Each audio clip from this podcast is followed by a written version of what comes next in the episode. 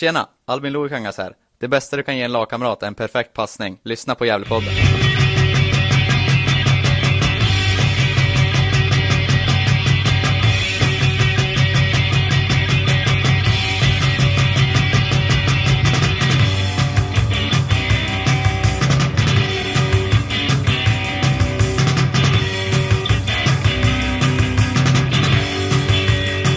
Ja, hallå allesammans och hjärtligt välkomna till Gävlepodden nummer 162.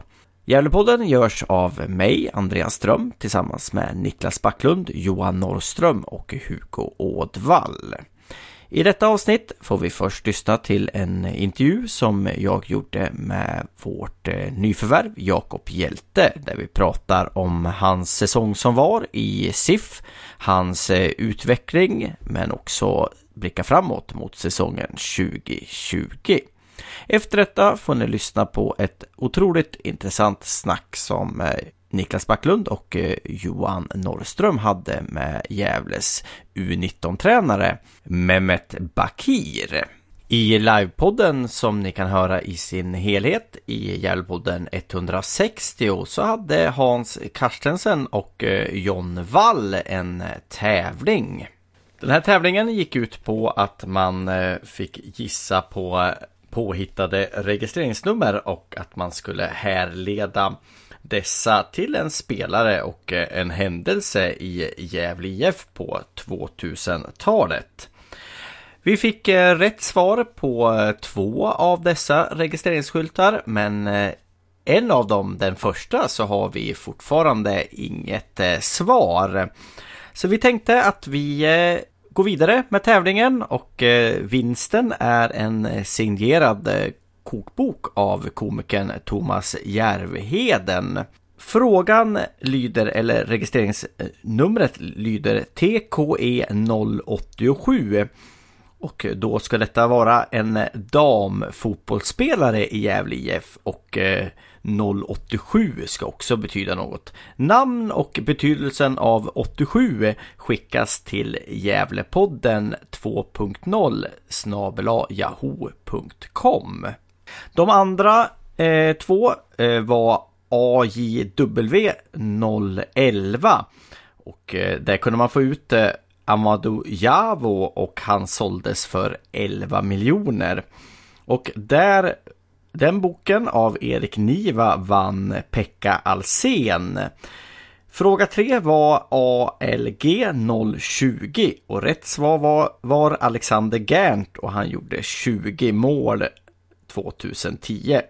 Där vann Daniel Sunkan Sundqvist en eh, bok av Olof Lund. Med det sagt så vill jag önska er alla en trevlig lyssning.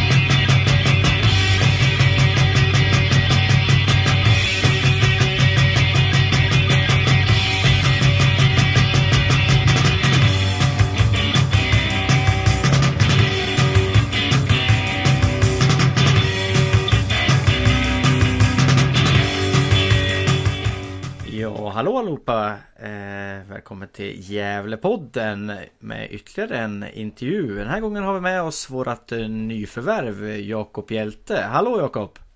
Tjena tjena! Läget? Jo, det är bara bra här är Ja, vi i Gävlepodden vill gratulera till eh, ett eh, tvåårskontrakt. Ja, tack så mycket. Det känns eh, väldigt roligt faktiskt att vara tillbaka i, i Gävle. Känner mig sjukt eh, inspirerad faktiskt. Ja, ehm, det är ju roligt att du är tillbaks. Eh, du är ju liksom en, eh, en Gävle-kille som man har sett, eh, sett eh, växa upp, tänkte jag säga, i, i Gävles A-lag. Och så Eh, vart lite dåligt med speltid och så eh, hamnar du i, i laget man knappt får säga i den här podden men i, i Sandviken. eh, jag tänkte att vi skulle gå in lite på förra säsongen och, och Sandviken till att, till att börja med. Eh, mm. Och, och eh, om jag räknar rätt så blev det 12 matcher och, och ett mål förra året, stämmer det? Uh, du, det har du säkert bättre koll på än mig, men uh, det, det stämmer säkert. Det ja. Eh, och jag tänk, Eh, tänkte ja, ska så- vi summera säsongen? Ja, jag tänkte lite så att, att vi kunde liksom prata om, om lite om förra säsongen och så går vi in på, eh, på, på Gävle och så eh, avslutar vi med att se fram emot eh, mot nästa säsong. Låter det bra? Ja, men det låter bra. Ja, låter Ja. Ja. Nej men om man säger så, du spelar forward, du gjorde 12 matcher tror vi då och gjorde ett mål. Vad, vad var det som inte fungerade riktigt förra säsongen om man säger så? Eh, nej, men det var väl flera, flera saker skulle jag säga. Eh, det börjar ju, säsongen började faktiskt ganska bra för mig. Jag hade en ganska bra försäsong eh, och eh, fick jag spela i första träningsmatchen där det gick eh, faktiskt väldigt bra för mig.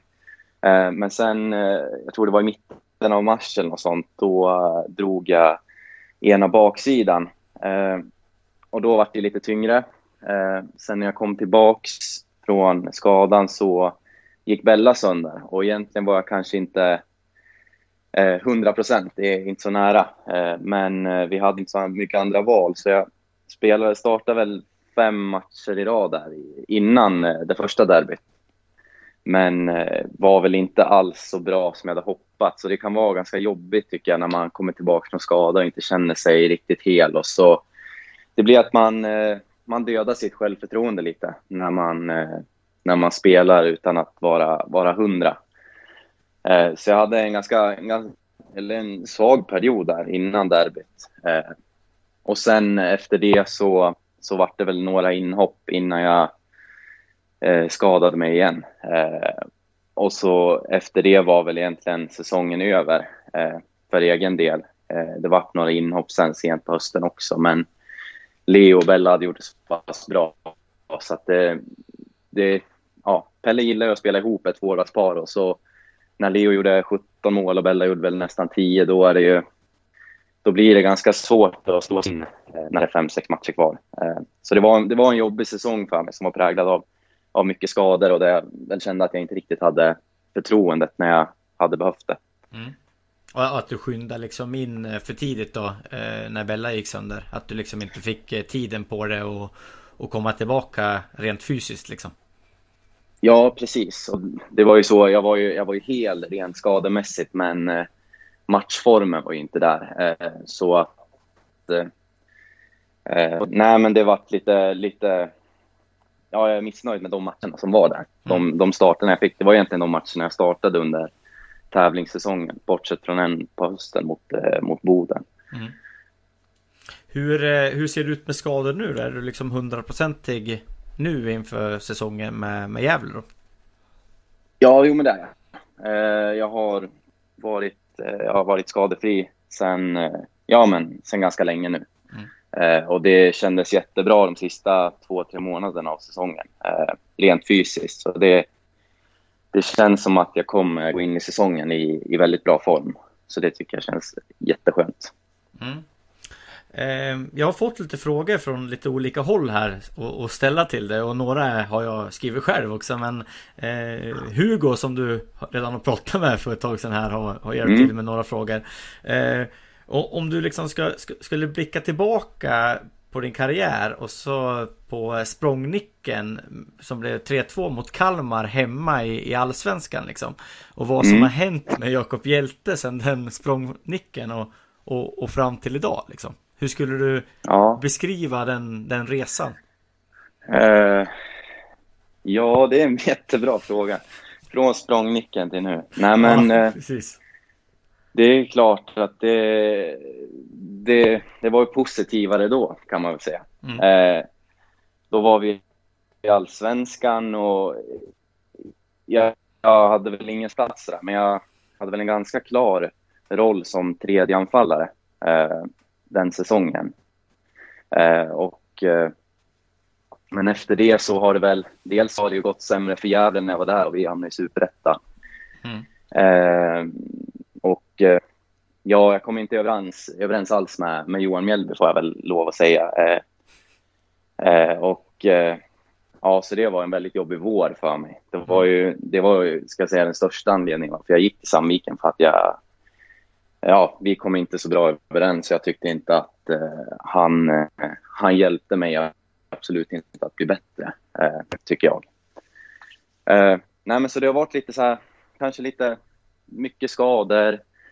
Eh, ibland har jag väl eh, kanske inte tagit för mig så pass mycket som jag borde gjort. Eh, det fanns perioder där med Poja och Thomas också i Superettan då man kanske skulle ha varit mer på och frågat vad ska jag göra för att få en startplats eller man kanske skulle be om att gå på lån eller liknande. Eh, så det finns lite grejer jag kanske ångrar från den tiden. Eh, jag tror att eh, jag blev ganska nöjd att vara med i en allsvensk trupp och kanske trivdes så pass bra att jag inte tog beslutet att gå på lån till en lägre division då för att få kontinuerlig speltid. Men det är ju det jag har, har saknat de här åren.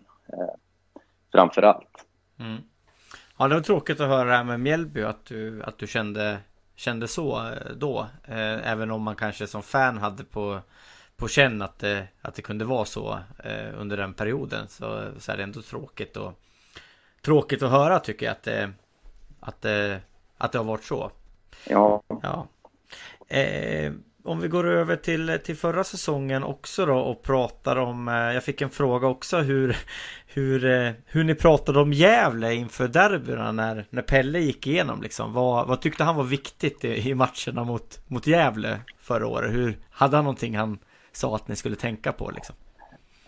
Um, ja, så vi pratar ju mycket eh, om den mentala aspekten. Um, och att eh, för vi blev ju i Sandviken blev vi målade som, som klara favoriter. Ehm, eh, och det kan ju sätta en press. Liksom. Det är oftast skönare att vara underdog. Så vi, vi pratade ju mycket om det, att vi skulle försöka vara lugna. Liksom. Vi, försöker, vi pratar mycket om att Gävle har varit högre upp än oss så här många år. Och, eh, det är ju vi som underdog egentligen, vi har allt att vinna. Eh, lite, vi pratar mycket om den, den aspekten. Eh, men sen rent taktiskt så, så jobbade vi mycket i försvarsspelet eh, för att försöka förhindra Gävles vändningar. Eh, för de spelar mycket så att eh, de försökte få upp den eh, där i fickan, knacka tillbaks till ofta Sebbe eller EU och så krossa långt på eh, deras eh, wings. Eh, tror Vanissa och Frej som spelar båda mot oss kanske. Nej,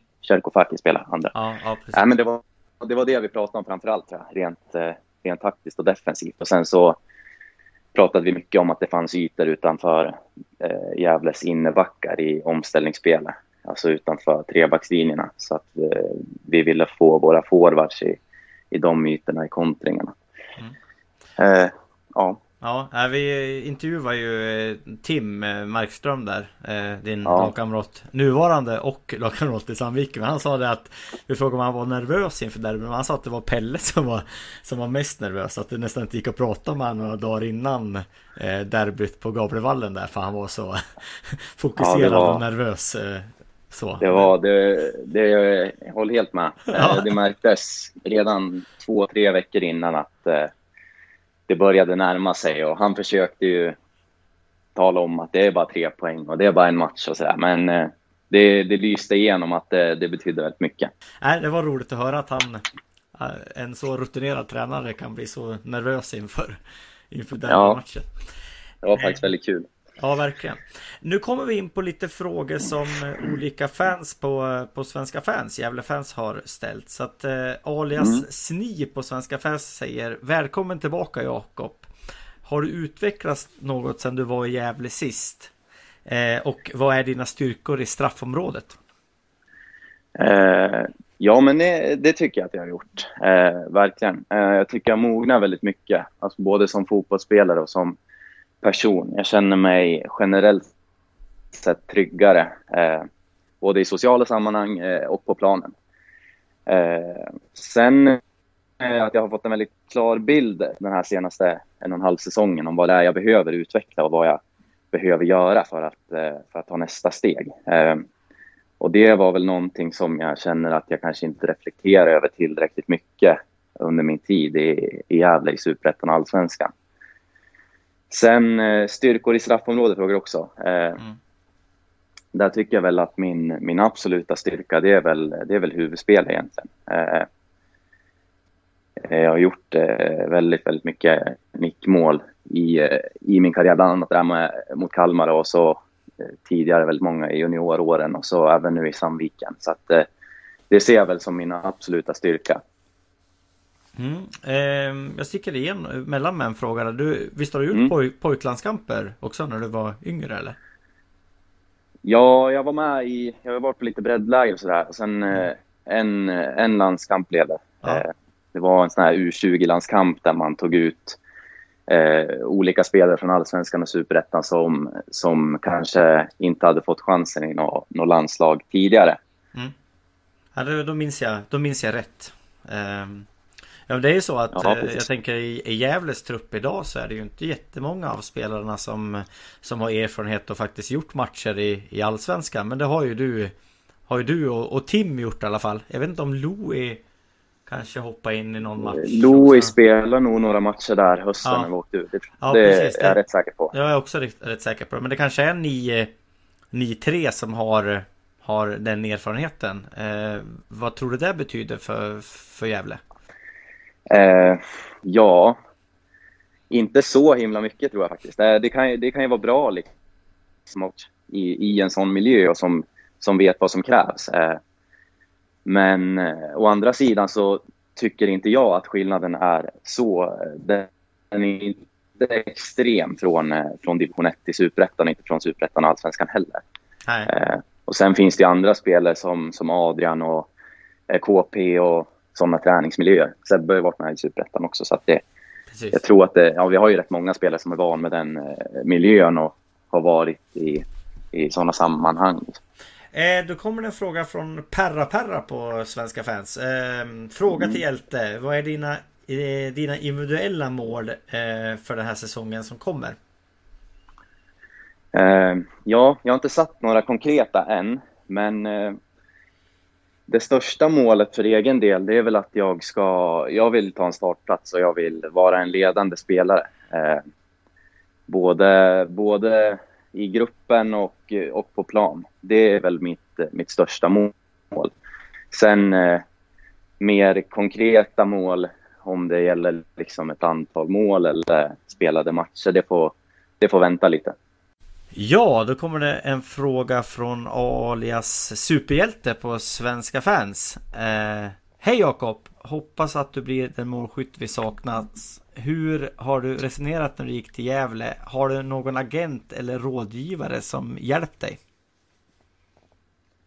Um, ja, jag har ju en, eh, en alldeles speciell rådgivare på, på jobbet. Eh, Jocke Nylén heter han som eh, som har pushat hårt för att, eh, för att det ska bli Gävle. Så det, är väl, det är väl det enda. Men det är, inget, det är ingen formell rådgivare utan, eh, utan mer en, en kompis som har, som har hetsat. Ja, han hjälpte med kontraktet och så också? Nej, det har han inte gjort. Det skulle jag, han, han, är för, han har för stort GIF-hjärta så jag hade väl fått betala för att spela tror jag om, eh, om han hade fått sköta det där. Det är så alltså? Ja, ja skönt. Då får vi tacka Jocke. Ja. För att han har pushat. Ja, det får vi göra. Ja. Hur, hur är det att skriva på för en klubb som inte har, har någon tränare än då? Eh, hur, hur, tänker man liksom kring, kring det? Ja, det är ju speciellt eh, och jag har ju försökt eh, skjuta upp det egentligen. Jag vill ju gärna veta vem som blir tränare innan jag skriver på. Mm. Eh, men eh, jag känner att jag pratar mycket med Dahlén och jag har frågat vad det är de letar efter och vad det är eh, som de eh, som de efterlyser framför allt, eller vad de vill ha för egenskaper i en tränare. Och jag känner att eh, det stämmer ganska bra överens om, om vad jag vill ha för sorts tränare. Så jag känner mig ganska trygg i slutändan. Mm. Det, var, det, var, inte så att han sa liksom att ja, men det är de här tre namnen nu som vi diskuterar med och någon av dem blir det. Det var liksom inte på den, den nivån eller? Tyvärr inte. Jag har försökt luska, men ja. eh, inte fått något. Så att, eh, ja, jag vet lika lite som du. Ja, det kom ut ett namn här, Bengt Ottosson på GD igår, men sen vet man ju inte hur mycket det, det, det ligger i det ryktet. Men eh, ja, Nej. det är Brages gamla, eh, gamla tränare som tog upp Brage till Superettan. Och ska väl vara en Exakt. ganska offensiv eh, eh, tränare, tror jag. Om jag har förstått det rätt. Ja, Ja, jag hörde det ryktet för, för någon, innan artikeln också faktiskt. Och ja. eh, jag tycker att eh, jag har kollat med några kompisar som, som känner till honom sen innan och han verkar faktiskt, eh, det verkar vara en logisk kandidat och han verkar, verkar vara duktig det jag har hört. Ja, ja, skåning. Så att eh, ni får plugga lite på helsingborskan. Det är man van med efter, efter superettan med Piotr och Kralj och ja, JB precis, och precis. Krille och Dennis. Det var ju många där. Ja, ha, Lite för många hal, kanske. halva truppen pratar, pratar skånska. Ja. Ja, nästan så. Ehm, sen tänkte jag gå in på, på lite så allmänna frågor. Bästa spelaren du spelat mot och med? Mot mot och med. Eh, mot skulle jag väl säga Rasmus Elmen då. Han är den som har stuckit ut mest eh, i mina ögon. Eh, jag tyckte han var otroligt bra. Jag tror jag spelade mot honom två eh, eller tre gånger. Han var, han var jävligt, jävligt smart, hade otroligt tillslag. Mm. Eh, så det är nog den bästa jag spelar mot. Spelat med blir lite svårare tycker jag. Eh, Simon Lundevall tyckte jag var riktigt, riktigt bra. Han, eh, han eh, har jag väl inte spelat någon match med tror jag, men eh, tränar mycket med, med honom då innan eh, vi vann kvalet där mot Ljungskile. Eh, han var ju riktigt bra. Sen, eh, sen eh, var ju Fällman fantastisk på sitt sätt. Kanske inte lika liksom, tekniskt begåvad som, som Lundevall, men han eh, var väldigt bra, han var väldigt bra att ha i laget. Det är nog den bästa, bästa liksom ledaren eh, jag har haft i ett lag. Mm. Ehm, Det är för- mina, mina två nomineringar. Ja, för- Följdfråga på Lundevall. Jag har hört att han kunde vara så här laid back på träningar. Att han kunde så här, ta det lugnt och så här. Men när det var match liksom. Då var han, då var han taggad till, till tusen liksom. Ehm, stämmer den? Jo, men det stämmer nog ganska bra. Ja. Eh, jag tyckte han var ganska laid back i matcherna också. Eh, men han vart ju, han vart ju bara bättre då. När han var lugn och liksom hade självförtroende. Det var då han var som bäst. Han vågade göra, vågade göra sin gubbe och han kunde ju hitta på lite allt möjligt kändes som ibland. Men han var ja, väldigt bra. Mm. Hur ser du på konkurrenssituationen i GIF 2020? Vi, vi vet ju inte så mycket än. Det är väl forwards är ju eh, du, Al-Hassan och, och Nisse kan ju också spela eh, forward egentligen. Det är väl ni tre som, som har kontrakt tror jag idag. Eh, Men det ska säkert in någon mer forward också kan jag tänka mig. Eh, Hur ser du liksom på, på konkurrensen? Eh, ja, jag har ganska jag har dålig koll på Al-Hassan. Eh, inte sett han så mycket alls faktiskt. Eh, men det jag har hört från, eh, från dem i laget så, så ska han kunna vara riktigt bra. Lite av en oslipad diamant. Mm. Eh, Nisse spelar mycket med i ungdomsåren och, och vi känner varandra väldigt bra. Så, att, eh, så han, så han eh, har jag ju bra koll på. Han är ju väldigt duktig. Han är snabb och rivig. Sen får vi se var han kommer spela någonstans. Eh, och så får man ju se vad, vad tränaren vill spela också. Om man vill ha två forwards eller en forward. Det, det, det får vi ju se. Eller tre? Ja, eller tre. Exakt. Nej men eh, jag tänkte säga det, det, det kanske är du och Nisse som blir, eh, blir Dahlberg Orlov då om jag får göra en jämförelse. Du är den lite större och, och han den, den lite rappare då. Vad, Ja, exakt. Det? Låter ju bra. Det, det låter fantastiskt bra. Kan man få till det samspelet då blir man, då blir man svårstoppad. Ja herregud. Eh, om, du, om du får måla upp ett drömscenario då för, för dig individuellt säsongen 2020. Hur, eh, hur skulle det se? Du kan ju dra upp ett drömscenario för, för laget också men om vi börjar med, med dig då. Personligen så skulle väl ett drömscenario vara eh, dels hålla sig skadefri, starta 30 matcher. Det hade varit, eh, det hade varit ett drömscenario. Eh, och så minst 15 mål på det, så då har vi en riktigt bra säsong. Mm. Eh, för laget så, så skulle liksom... Eh, vi får väl se hur det blir med, med, med truppbygget och sådär. Eh, och vi får väl lägga en intern målsättning sen. Men det är klart att det hade varit väldigt kul att vara med i, i toppen på slutet när det, när det ska avgöras. Men sen som sagt, vi får se hur det utvecklar sig. Det blir en tuff serie i år också med Karlstad-lagen som står ihop och BP åker ur och sådär. Mm. Så att det blir nog eh, ännu tuffare än förra året. Det, det, ja, det ser ju det ser tuffare ut tycker jag med eh, fler Stockholmslag och Stockholmslag brukar ju vara, vara ganska bra. Och, och ja, det, det, ser, det ser lite tufft ut nu innan. Sen vet man aldrig. Jag menar Eh, jag tror ju att många andra lag kanske trodde att Gävle skulle vara mer konkurrenskraftiga än de var också när vi ramlade ur Superettan. Och man vet ju inte vad BP, även om de har juniorverksamhet och ös ur BP så vet man ju aldrig. Jag tror att det är svårt att komma till till division 1 från, från superettan. Och eh, det är nog en tuffare serie än vad, vad många tror. Ja, men verkligen. Det tycker jag. Det syns väl eh, på de lag som har åkt ur. Eh, Åtvidaberg hade väl eh, tufft också. Det finns flera andra exempel eh, som har haft det tufft. Mm. Men, men som du sa så har ju BP väldigt bra ungdomsakademi och då, då känns det som att det skulle kunna, det skulle kunna bli topplag. Men man vet aldrig. Sen för dig beror ju på det beror ju på lite med Hammarby, Hammarby-avtalet där, om det kommer att bli kvar eller inte. Mm. Eh, jag tror det blir sista frågan Jakob. Eh, vilken slags mm. tränare skulle du vilja ha in i GIF nästa säsong? Vill du liksom ha en, en taktiker eller en pådrivare eller någon, någon mix mellan de båda? Eller vad, vad skulle du vilja ha in för, för tränare liksom?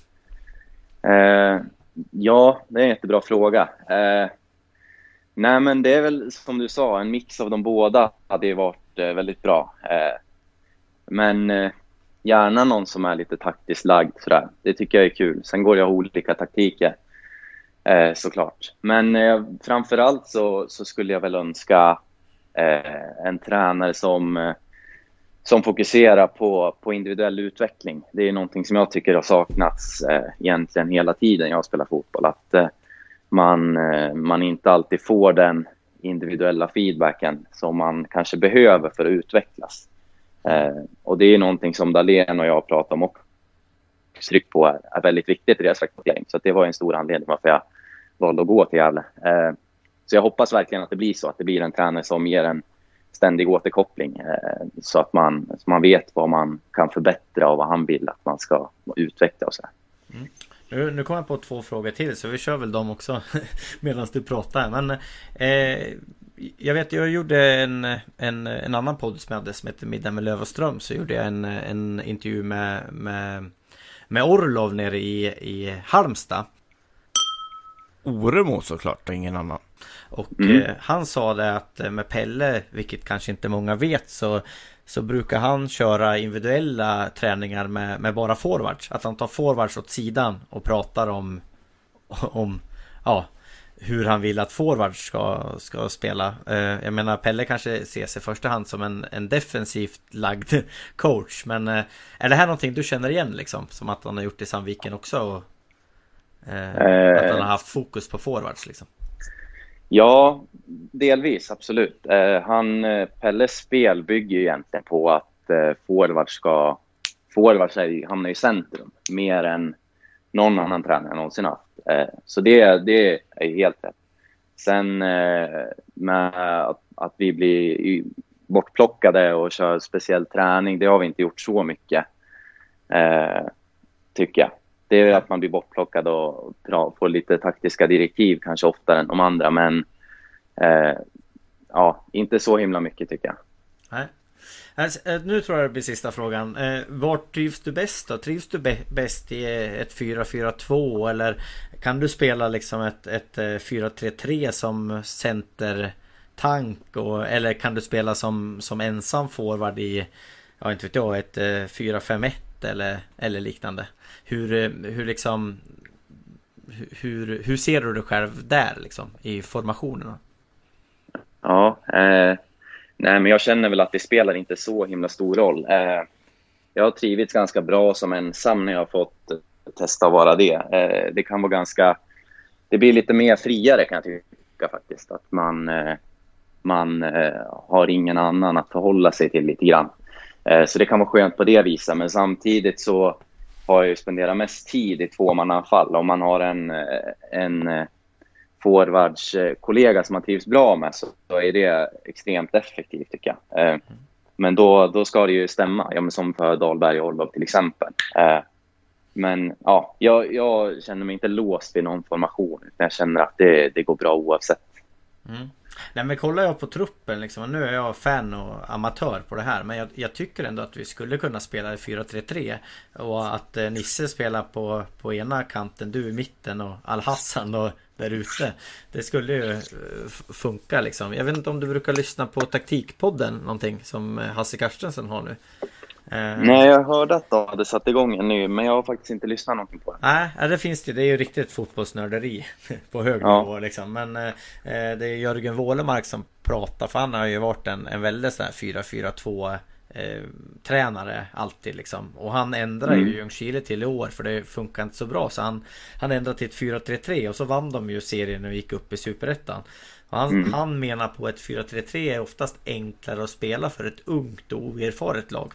Jag vet inte, ja. liksom, han säger att det är lättare i eh, rent taktiskt liksom att förstå vad man ska göra i ett, eh, ett 4-3-3. Så jag, jag har snöat in lite på det. ja. Men eh, ja, det hade varit, det hade varit ett intressant eh, Intressant att, att, se Gävle i ett, med det spelarmaterialet jag hoppas att vi får i, i, i det. Men ja, vi får se vad det blir för tränare mm. först kanske. ja, precis. Jag tror det blir han som bestämmer. Ja, tyvärr får inte jag bestämma utan det är ju tränaren som får Nej. bestämma. Nej. Du eh, Jakob, jag tackar så mycket för intervjun och så önskar vi dig all lycka 2020. Ja, tusen tack. Kul att jag fick eh, vara med. Ja, men det var eh, roligt att du ville vara med. Ja. Ha det gott. Detsamma.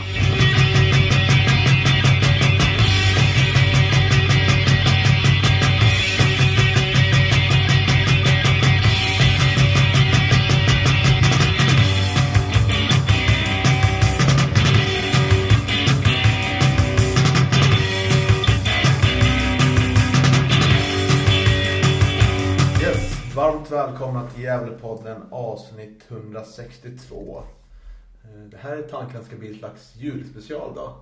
Eh, om vi hinner få ut innan jul. Men någon gång i jul kommer det ut. Eh, gäst med oss, här är jag, eller gäst. Som pratar nu heter Niklas Backlund. Johan Norrström också med. Välkommen Johan. Tack så mycket, tackar. Och dagens speciella gäst är Gävles U19-tränare Mehmet Bakir. Yes. Välkommen. Tack, tack. Tack så mycket. Hur är läget? Det är bra. Lite sliten efter alla julbord och så, men annars är det okej. Okay.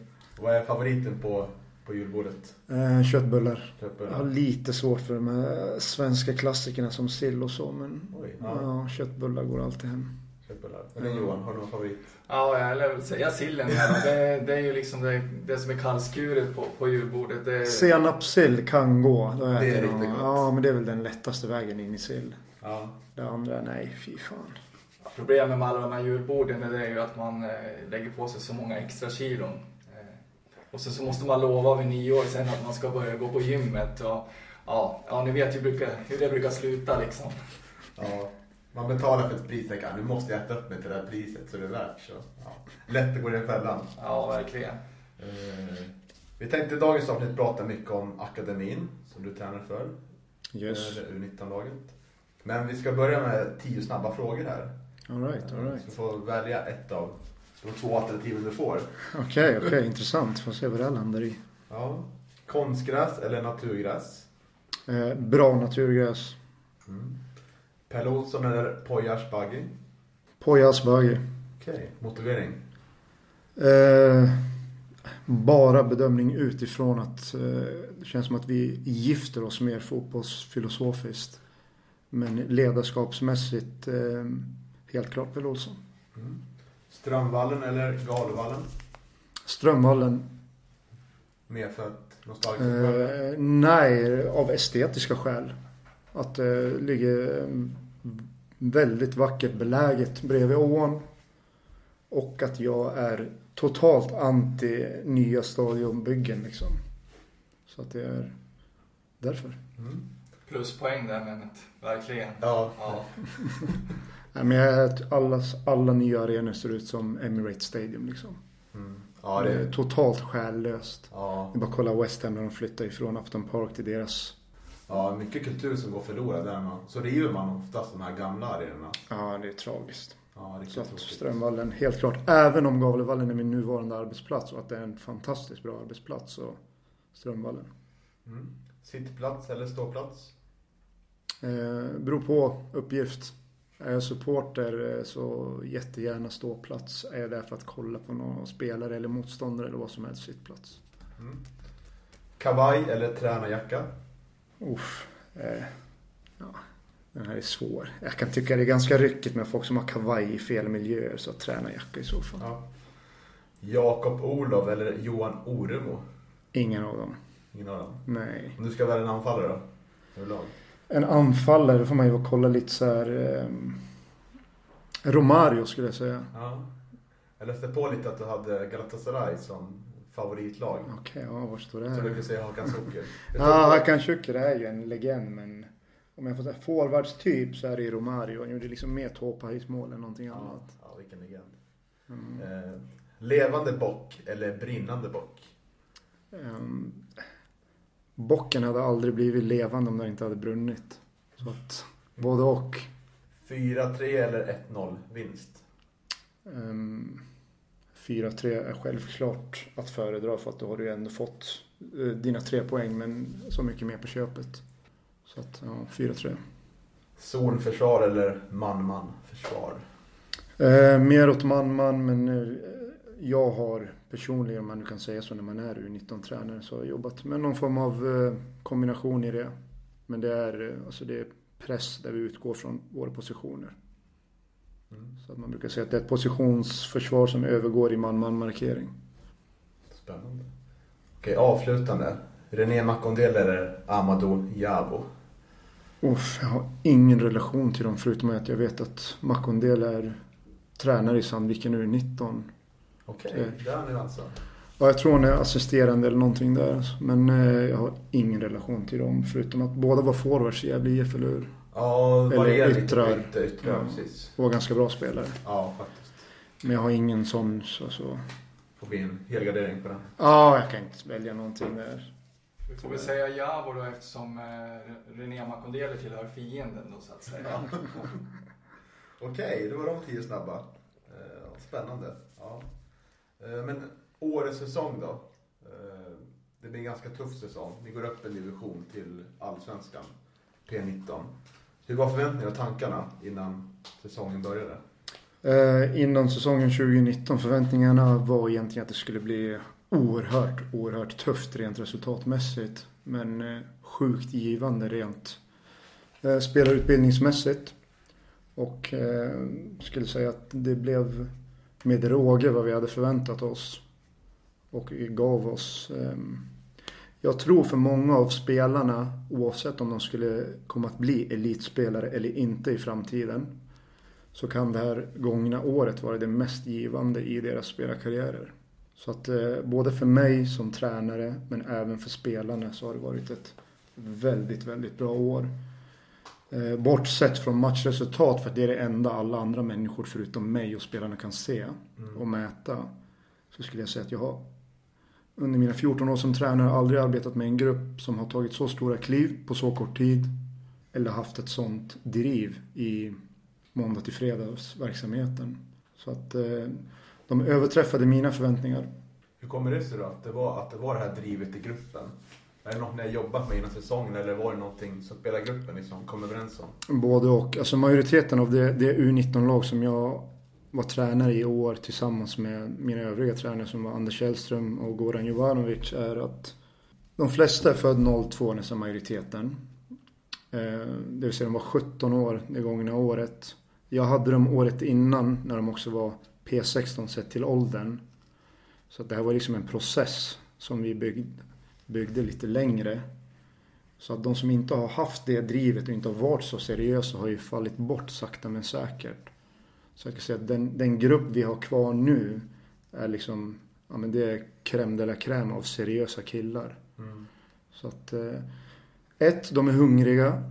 Eh, två, de har en hungrig tränare.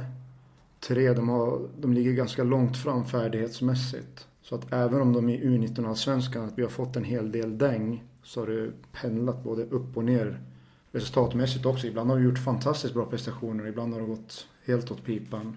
Men rent så här utvecklingsmässigt, om du skulle jämföra en spelare i våran grupp i januari med nu, 12 månader efter, så är det massiv skillnad. Vad är den största skillnaden tycker du?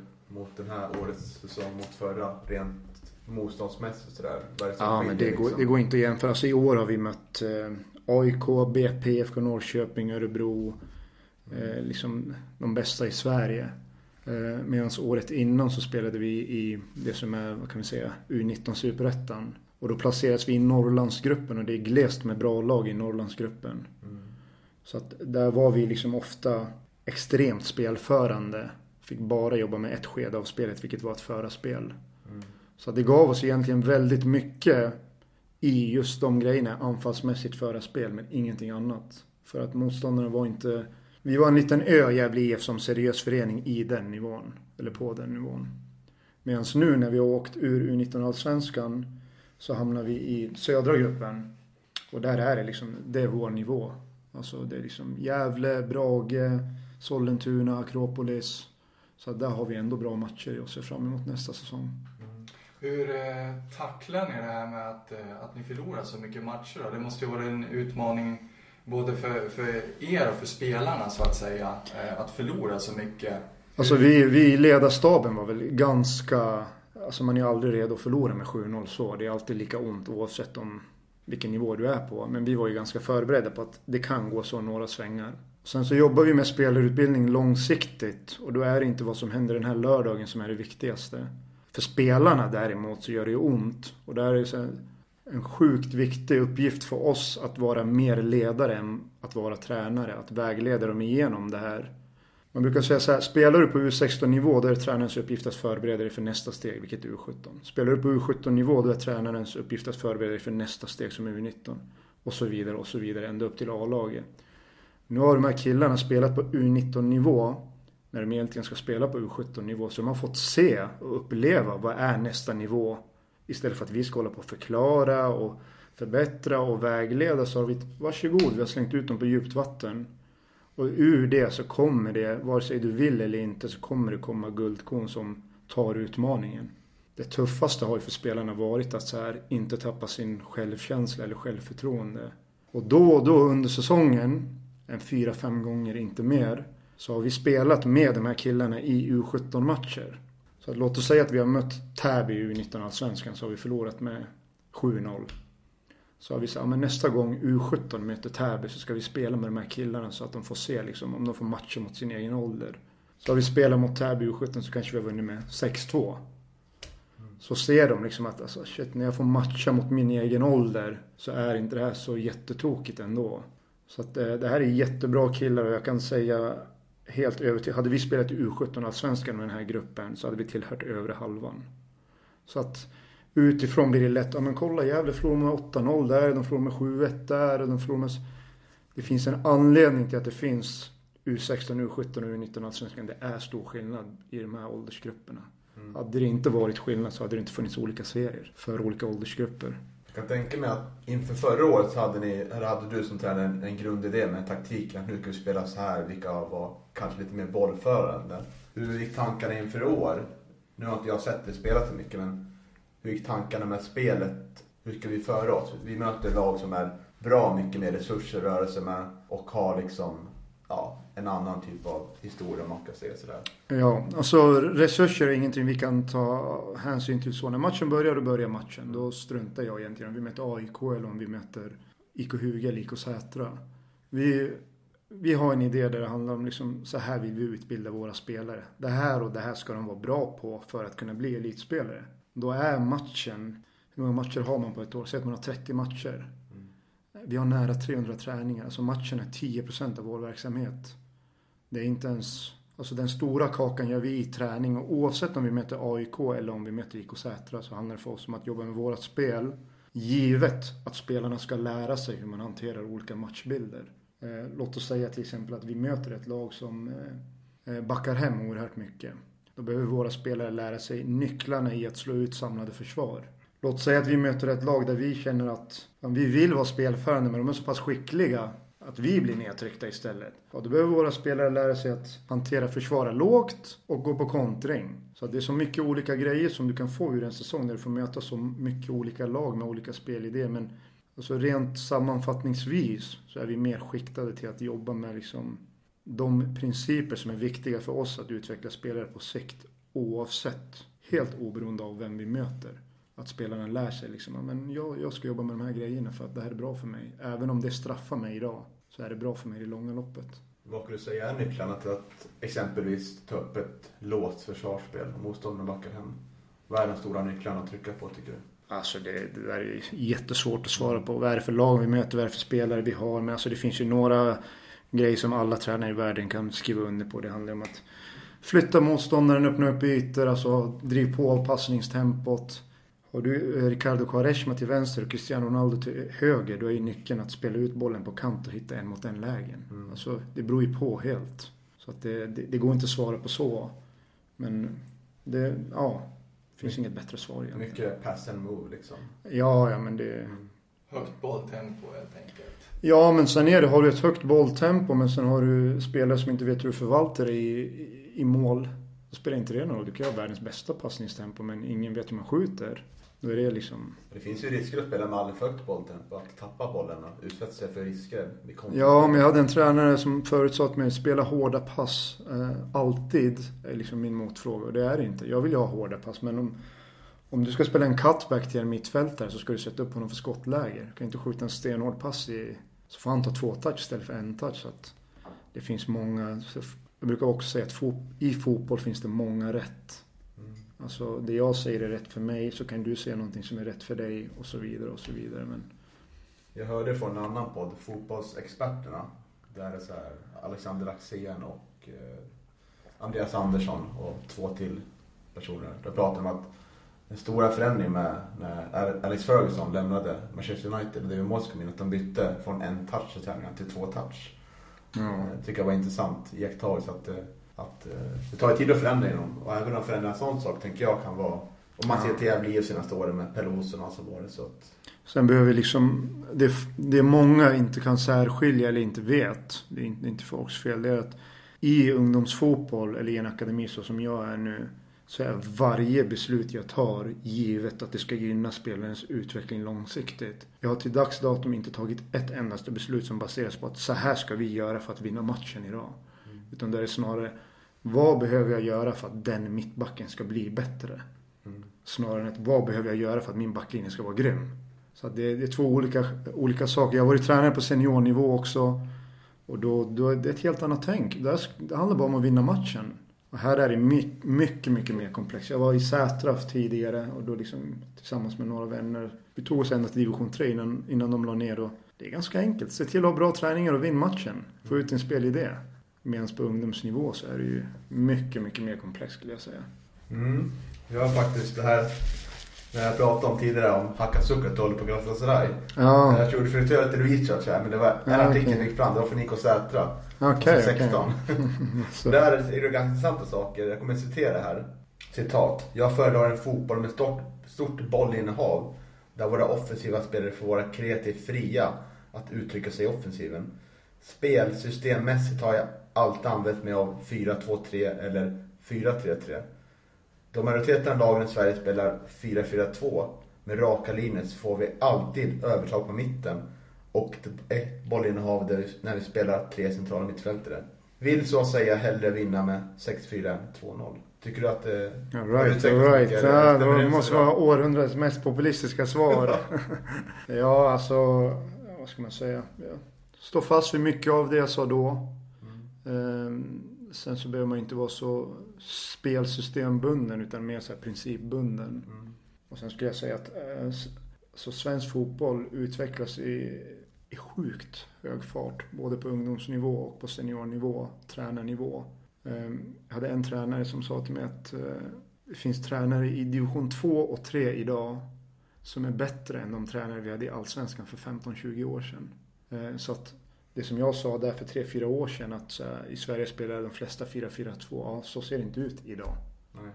Så kanske det såg ut då. Alltså bara så här för fyra år sedan. Så det, det går ju så ultrasnabbt. Det är bara att kolla på våra ungdomslandslag. Alltså bara där så, så här. Hur mycket spelare får vi inte fram som blir seniorspelare? Bortsett de resultat de har gjort som är ganska bra, men vilket egentligen är ointressant. Så får vi fram att jag idag fortfarande, alltså min, den fotboll jag tycker om att kolla på är ju där ett lag driver matcher den fotboll som jag eh, tycker ger våra ungdomsspelare mest i deras spelarutbildning är att driva matcher. Det vill säga folk med en bollinnehav. Ehm, Självklart ser jag hellre en målrik match än en målfattig match. Mm. Det tror jag alla förutom José Mourinho skriver under på. Mm. Sen vet jag inte mer vad det var för populistiska grejer jag sa i den intervjun. Men om man eh, återgår till det här med spelsystem och så, med 4-4-2 eh, är ju lite utskällt just nu. Eh, vad, vad tycker du vad är liksom Alltså, jag är- med 4-4-2? är? Nej, jag tycker inget fel med 4-4-2 så. Alltså allt handlar om vad du har för principer i din fotboll. Alltså du kan ju spela 4-4-2 som Valencia gör idag. Det är liksom ett av La Ligas bästa lag. I anfallsspel så liknar det något 4-2-3-1 och i försvarsspel så blir de eh, 4-4-1-1. Alltså du kan göra på så många olika sätt. Det handlar ju mer om vad du vill. Du kan ju spela 4-3-3 där du dunkar boll från keeper ner i hörnen. Så det är inte så spelsystemets namn som är det som är avgörande utan det är vad jobbar du med i träning måndag till fredag som sen kan avspegla sig på matchen. Sen kan du inte föra varje match för att matchen börjar, två lag vill föra. Och vad händer då? Och det är då matchen blir intressant. Så att det, just spelsystemets siffror är intressant i vissa Alltså i matchskeden att liksom, ja, men där är vi tre mot tre på kanter eller här är vi fyra mot två centralt och så vidare. Så det är inte oviktigt. Utan det, vore det oviktigt så skulle det inte liksom vara en del av spelarnas utbildning heller. Det är ju viktigt. Men spelsystemet innebär inte spelstil. Det är två olika grejer. Vilka har varit U19s principer då, skulle du säga? Rent eh, taktiskt sådär.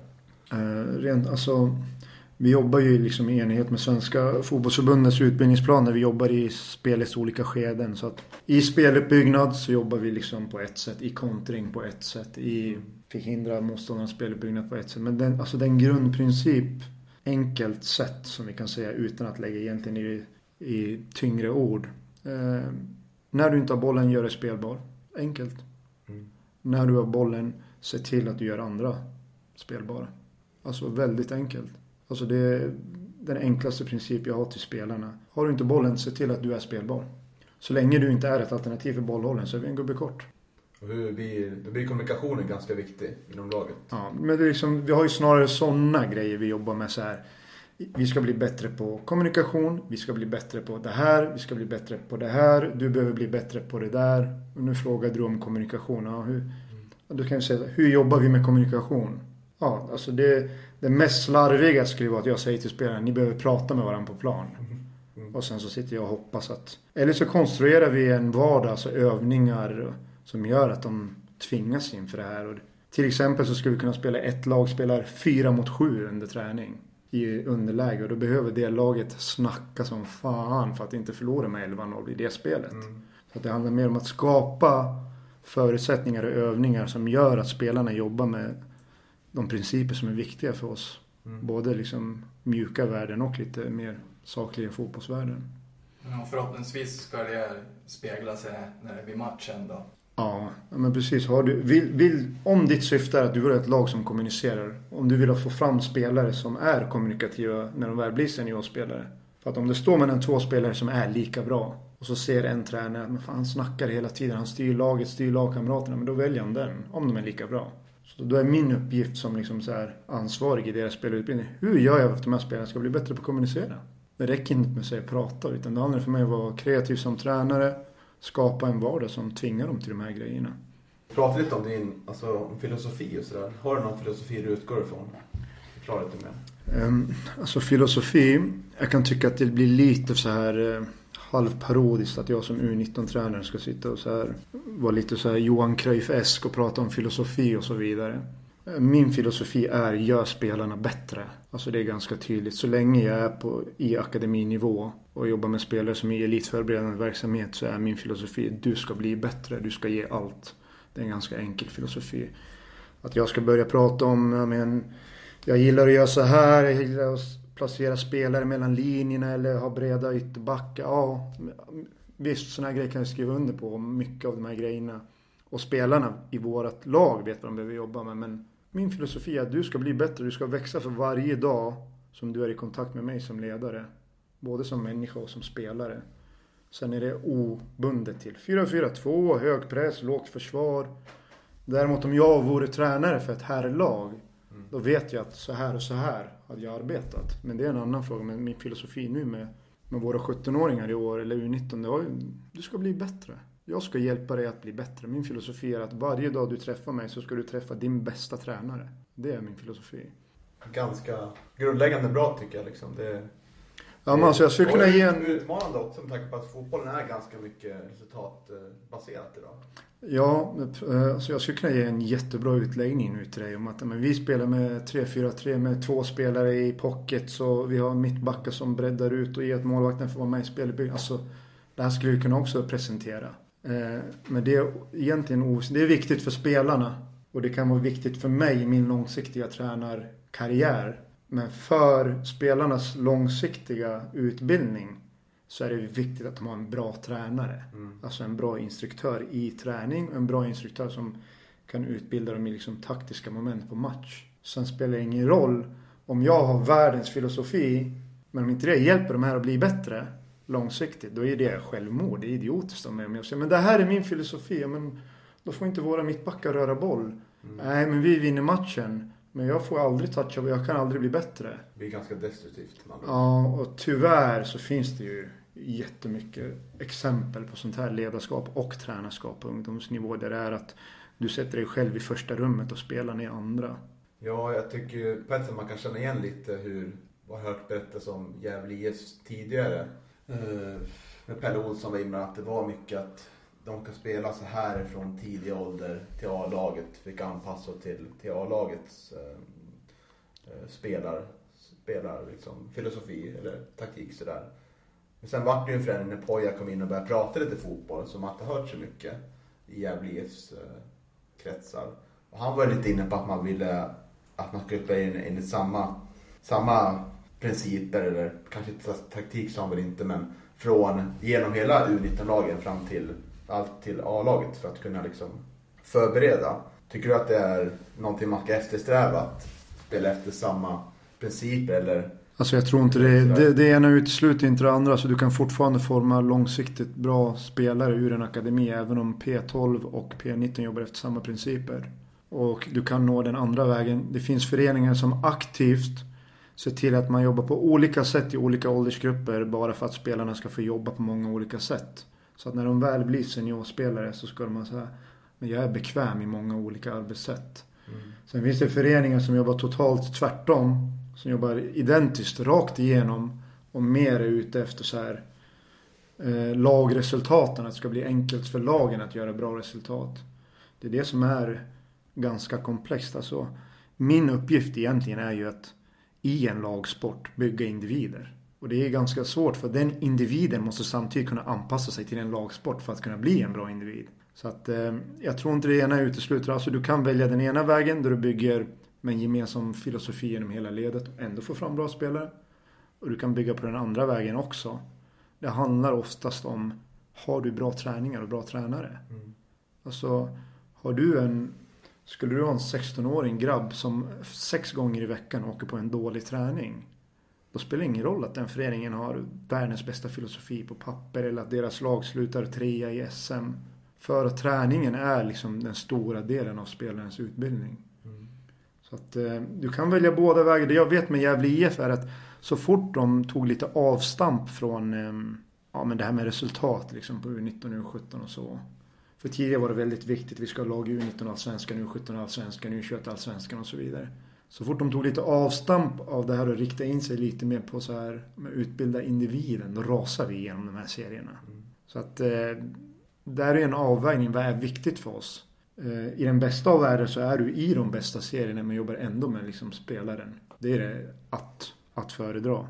Men om du får välja mellan att är resultatet ett eller långsiktiga utbildningen av spelaren viktigt? Och då är den långsiktiga utbildningen av spelaren. Jag, jag är beredd att förlora varje helg med 7-0 om det innebär att vi får fram två A-lagsspelare. Mm. Snarare än att jag ska vinna varje helg med 7-0 men vi får inte fram någon. Ja, det låter ju väldigt bra. Jag tänkte på det också. Det är väl... Eh jag kan tänka att det, det, kan vara bra att förbereda spelarna i U19 eller i akademin för, för många olika scenarier och vet du, matchsituationer och så. Och att man kanske inte bara bygger efter en taktik utan att, att man ska kunna spela på många olika vis. Hur tänker du kring det? Ja, alltså jag tror ju att det finns liksom så här lite universella värden som du behöver för att bli en elitspelare. Som de behöver ha med sig oavsett om P13 spelar 4-3-3 och P15 spelar 3-4-3 och så vidare. Så spelsystemet tror jag inte är det viktiga.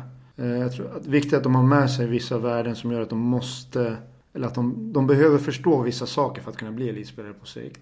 Sen kan du göra på ett sätt med ditt ledarskap Eh, och och ditt tränarskap och jag kan göra det på ett litet annat sätt men det leder till samma väg. Problemet är ju att när de bara drillas enformigt och bara har ett rätt. Och sen finns det inga, vi har ju tidigare haft, kan jag berätta i Gävle IF lite, när det har varit ibland så här. har det stått och vägt mellan två U19-spelare som ska få ett A-lagskontrakt. Till exempel när de låg i Allsvenskan eller i Superettan. Ja, så väljer vi spelare A. Ja, men du får ett tvåårskontrakt. Du har gjort det jättebra. Han kanske är marginellt bättre än spelare B. Om, om ens han är det. Men man måste ju välja någon. Spelare B som då var en millimeter ifrån att få ett A-lagskontrakt med Gävle IF och söker sig vidare. Kommer till en lokal division 2 eller 3-klubb men är helt vilsen. För att vi har format honom på ett sätt. Att så här gör du när backlinjen har bollen. Så här gör du när en forward har bollen. Så här gör du när vänsterytter motståndaren har bollen. Han har formats och drillats så taktiskt hårt. I någonting som gynnar oss i Gävle IF. Men kanske inte gynnar honom. Och sen efter två säsonger i division 3 så tynar han bort och så är karriären slut. Mm. Att liksom en spelare som var så nära att nå ett allsvenskt kontrakt eller ett superettakontrakt. Vad är det vi behöver göra för att när han väl lämnar Gävle IF så fortsätter hans utveckling och hans nyfikenhet för fotboll snarare att han känner när han kommer till man kommer till ett valborg division 3 och så, så känner han bara Va, vad gör de här spelarna? När det egentligen är han som är dålig på att anpassa sig kanske. För att han inte har fått en utbildning som handlar om att vara anpassningsbar. Så att det är liksom, ja, du kan ta båda vägar. Alltså det... Och även om man kanske hamnar i en division 2-klubb efter man eh, har lämnat akademin. Man fick aldrig det där A-lagskontraktet men med, med den utbildningen som ni kanske har nu så kanske han kan göra något år i, i trean eller tvåan i någon klubb och, och sen komma tillbaka. Det, det, det är förhoppningen. Alltså snittåldern för att debutera i Superettan Allsvenskan är ju 23 tror jag det är någonstans. Så det är ju väldigt få som går från 19 in i A-laget och börjar leverera. Det är också lite det missvisande. Folk brukar säga så här, Gävle får inte fram någon spelare. Men om du kollar liksom på Valbos division 2-lag i år så är nästan alla från Gävle IF U19. Eh, tidigare hade du Strömsberg där liksom majoriteten var från Gävle IF U19. Ja, då kan det vara så här. Vad är det då att producera division 2-spelare? Ja, men får du ändå fram så 18-19-åringar som kan spela i division 2. Vilka andra föreningar i närområdet får det? Så att när, när folk spyr galle över Gävle IFs ungdomsverksamhet. Vilka andra föreningar i vårt närområde kan få ens fram division 2-3-spelare? Samt när de här spelarna väl, låt säga att de blommar och så kommer tillbaka till Gävle när de är 22 eller 23. Det hade de aldrig gjort om de inte hade fått bra träning från 15 till 19. Så att det är det också, att säkerställa att de bästa i distriktet ska få bra träning när de är i den här liksom viktiga åldern. Sen kanske det leder att en, en division 6-spelare når division 2-nivå. Eller att en division 2-spelare når allsvensk nivå. Det, det, är svårt att veta, det har ju att göra med spelarens grundförutsättningar. Men att vi i alla fall säkerställer att du ska få bra träning här. Så att när du lämnar Gävle IF så ska inte du vara helt vilsen. Nej, sen blir det ju väldigt mycket upp till spelaren också naturligtvis. Självklart, du kan ju vara bäst i GIF, sen kan du ju sluta med fotboll när du är 18. Det är också en utmaning vi har att skapa ett så här långvarigt intresse för fotboll hos spelarna. Och gör vi det, om vi nöter samma sak måndag till fredag, då kommer de ju ledsna ur och sluta med fotboll när de är 17-18 bast. Som sagt, det är mycket, mycket min erfarenhet är att det är mycket, mycket större utmaning att vara tränare i akademi än att vara i ett herrlag. Bortsett från den mediala press som givetvis finns i ett herrlag. Men att sköta liksom eh, en spelare i U19 är mycket mer maintenance än vad det är att sköta en spelare som är herr. Liksom. Är det motivationen som är den största utmaningen för en akademi, akademispelare överlag? Nej, det är det faktum att de är inte proffs. Men de lever ju som proffs. Mm. Alltså våra spelare i U19 tränar ju mer än vad de i vårt A-lag gör. Samtidigt så bollar de ju skola och matteprov och lillebrorsa och storasyrra och allt möjligt som kommer i den åldern. Byta skola, lämna kompisar, ibland byta stad. Mm. Och samtidigt står jag där och tisdag och liksom skriker på dem så här. Gör det här bra. Ja, jag fick IG på matteprovet igår. Jag flyttade hemifrån. Det är så mycket som händer. Och bli som en mentor kan. Ja, men det är nästan, alltså ledarskapet är ju nästan viktigare än tränarskapet i den åldern. Så att min drömbild, eller min, min långsiktiga bild, är alltså att jag brukar säga till spelarna, ni är er egen tränare. Alltså, jag skapar förutsättningar för er. Ni driver det här själva. Alltså, du är ditt, in- ditt inre driv är vad som kommer ta dig långt. Hur tycker du samarbetet funkar med Jocke Karlsson som är nygammal i Gävle IF? Ehm, inga problem. Ehm, Vad har han tillfört för dig? Mycket på så sätt är Jocke en en bra ledare. Alltså, vi har inte jobbat ihop så på, på plan så. Han, är, han koordinerar över akademin och ser till att eh, när vi har träningstider, att vi har eh, liksom att allt sånt klickar. Och någon gång om min assisterande eller någonting är sjuk eller så, så kan jag ringa Jocke, kan du hjälpa mig med träningen? Och då hoppar han in på jättekort varsel och hjälper till. Eh, Så att jag har ingenting att säga emot någonting där utan han, han ser till att, vad ska vi säga, utan att lägga sig i det som händer på plan. eh, Att den dagliga verksamheten liksom snurrar runt. Så, ja, men, kan ni träna 16.30 på måndag istället för 17.30? För, ja, perfekt. Alltså han ser till att, att, eh, att saker och ting klaffar i. Mm. Så att jag, jag har liksom ingenting dåligt att säga så. Eller, Det är ju den här intervjun från Nico Säter jag tänker återkomma till. Du pratar Okej. om en gammal tränare i Gävle IF där. Eh, Thomas Andersson. Du säger att han är de bästa instruktörerna jag haft. Vet jag ju dock att han som tränare, hans träningar var riktigt bra. Kommer du ihåg någonting vad han gjorde speciellt? Nej, jag kommer bara ihåg att när jag gick, när jag själv var så här 16-17 år, då gick jag NIU, alltså det som är fotbollsprogrammet i gymnasiet. Det hette Speed då. Då var det han och i början var det Pelle Olsson och så var det Tore Lennartsson som drev de träningarna. Och jag minns bara att Thomas träningar var väldigt, väldigt bra. Alltså att i, som tränare på träningsplanen var han väldigt duktig eh, i allt ifrån att så här, ja, men utbilda i touch till att vara tydlig till att eh, se till att träningarna gav någonting verkligen. Mm. Alltså som spelare så är det ju viktigt att när du lämnar en träning, när du står i duschen där att du inte ska känna ah, jag hade lika gärna kunnat varit hemma idag. Det ska ju vara tvärtom att de gånger du inte är och tränar så ska du känna fan jag missar någonting. Och bortsett från eh, både Pelle Olsson och Thomas Anderssons arbetssätt i anfallsspel så skulle jag säga att de är sjukt bra instruktörer på träningsplanen. Alltså i allt ifrån övningar till att ha liksom en, en långsiktig tanke med spelarutbildning. Eh, de enda grejer som jag egentligen har så här, vad ska jag säga, rent personligt eh, att motsätta, sig, motsätta mig mot är ju deras arbetssätt i anfallsspel. Vilket var ganska mycket så här direkta bollar ner till handflagga och sen eh, ge understöd med korridorspelare och lyfta in i straffområdet så tidigt som möjligt. Liksom, och det är ju en smaksak. I min värld så är inte det att föredra. I deras värld är det att föredra. Däremot tror jag ingen spelare, oavsett vad man tycker om Pelle Olsson eller Thomas Andersson, kan säga att eh, eh, träningarna sög. De vet inte vad de håller på med. De har ingen aning om vad de gör. Den där övningen, ingen fattar vad han ska göra. Utan jag skulle säga att de hade jättebra träningar. Eh, sen match är ju någonting annat. Och det är ju någonting man har personliga preferenser i. Mm. Och det var ju snack lite om att Erik Larsson som spelar i Malmö nu. Ja. Att han fick ju inte fick ju någon utskällning på någon träning för att han spelar för, för kreativt sådär.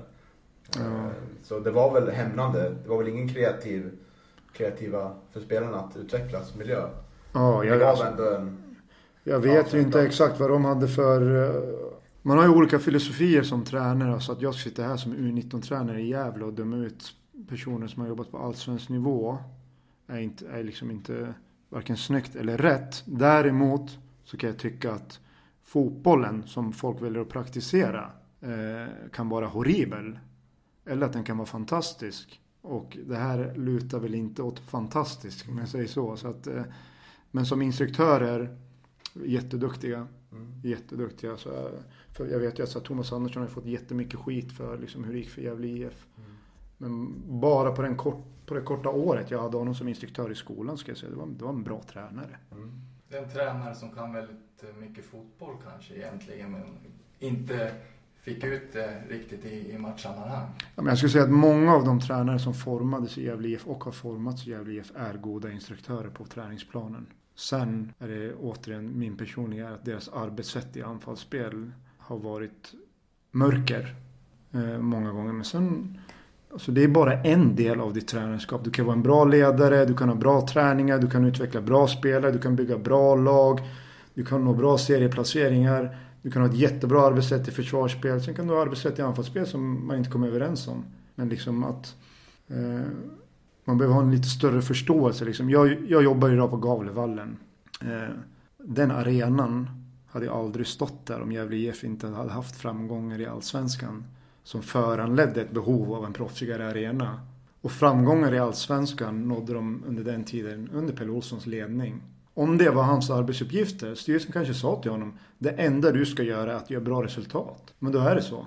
Då har han gjort ett fantastiskt bra jobb för att du kan ju kolla lite på de spelare som Gävle hade till sitt förfogande också. Det är många så här spelare som inte ens stack ut i sitt division 3-lag. Som han fick att bli allsvenska spelare. Och pratar du med de här spelarnas gamla lagkamrater från de klubbar de kom till så är de helt oförstående. Många gånger. Men vad var det? Var det något år Bernhardsson gjorde 12 mål i Allsvenskan eller någonting? Ja, något sånt ja. Ja, exakt. Merparten på Nick också kommer jag ihåg. Nick på hörna. Nick Ja. på hörna, ja. Ja men det var ju alltså den tiden då Gävle gick från division 1 till Allsvenskan. Alltså, de var ju superettan ett tag däremellan också. Men det var ju så här, ja men någon back från Gästrike Hammarby, en mittfältare från IFK Gävle.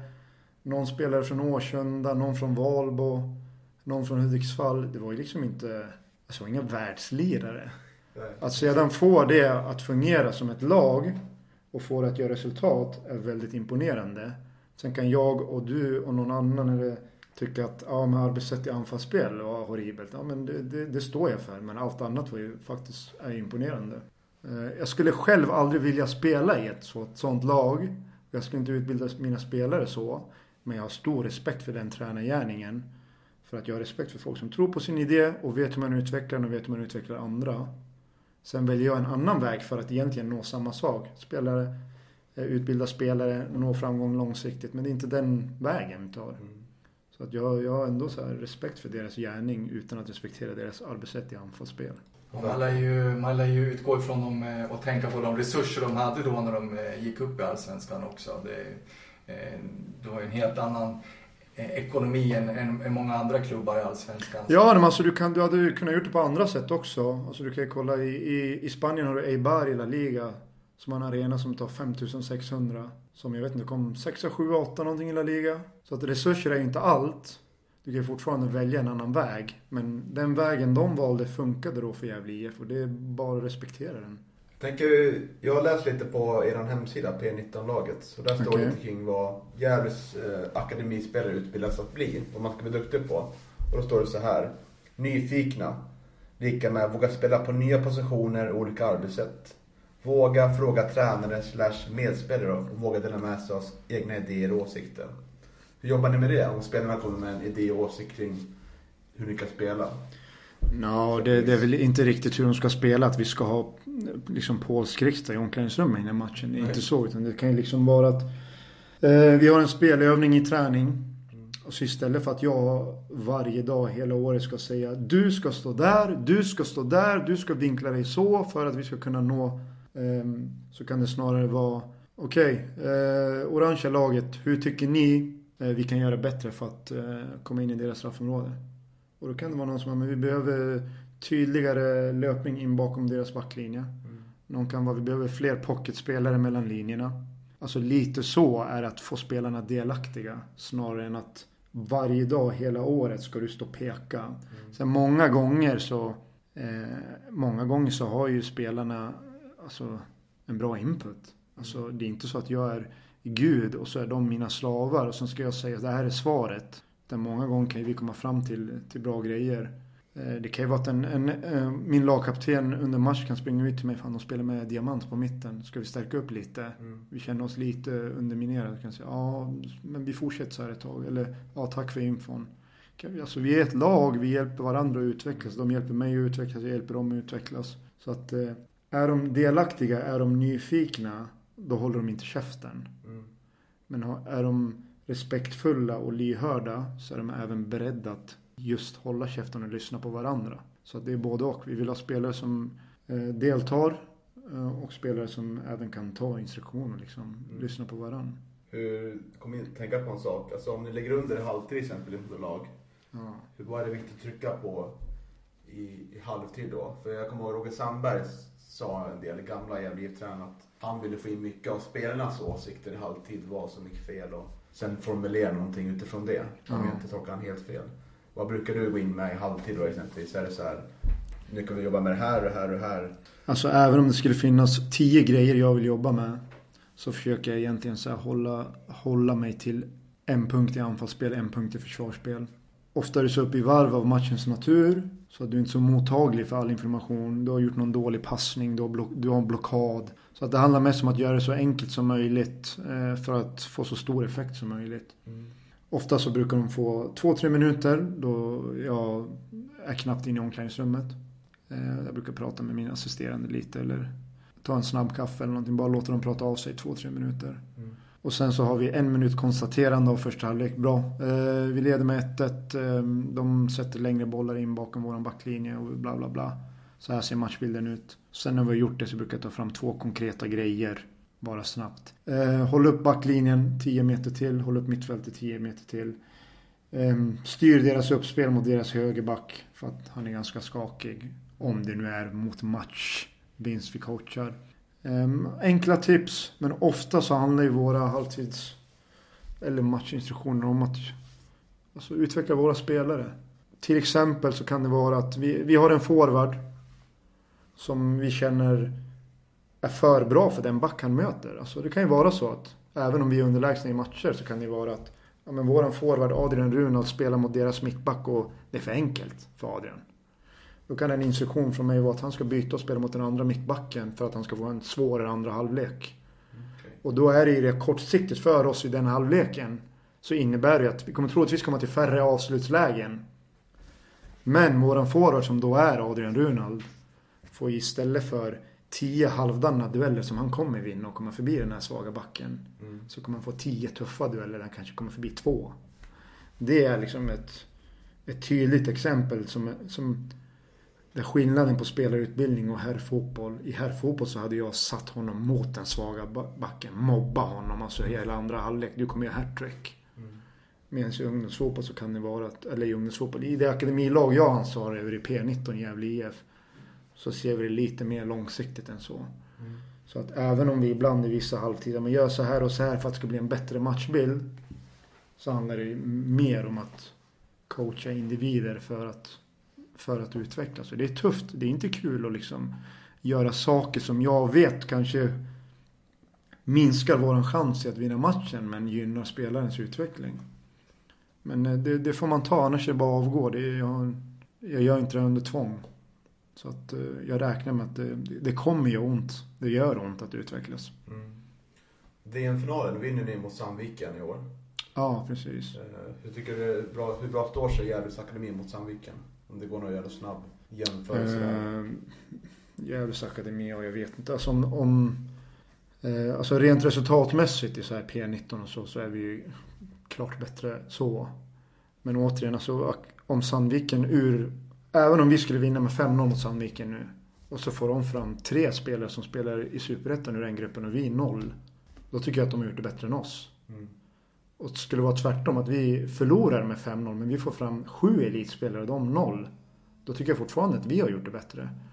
Så att alltså rent matchresultatmässigt eh, så är vi bättre än dem. Men det behöver inte betyda någonting långsiktigt.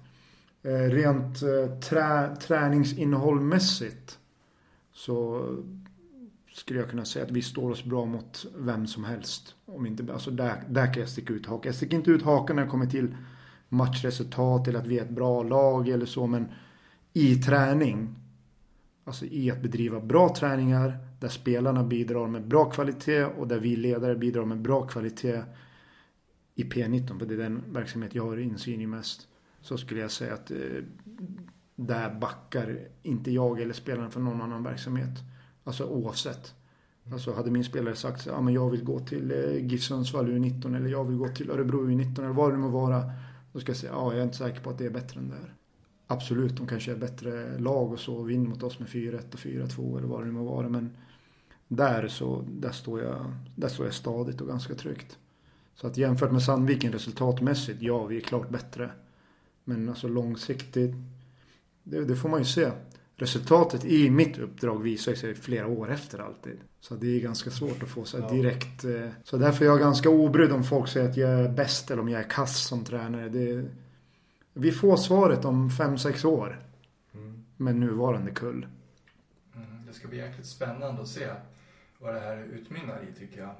Ja, det kan ju gå, det kan ju gå jättebra. Det kan ju, kan, du kan fortfarande göra ett bra jobb och så väljer fyra spelare att sluta med fotboll nummer 21.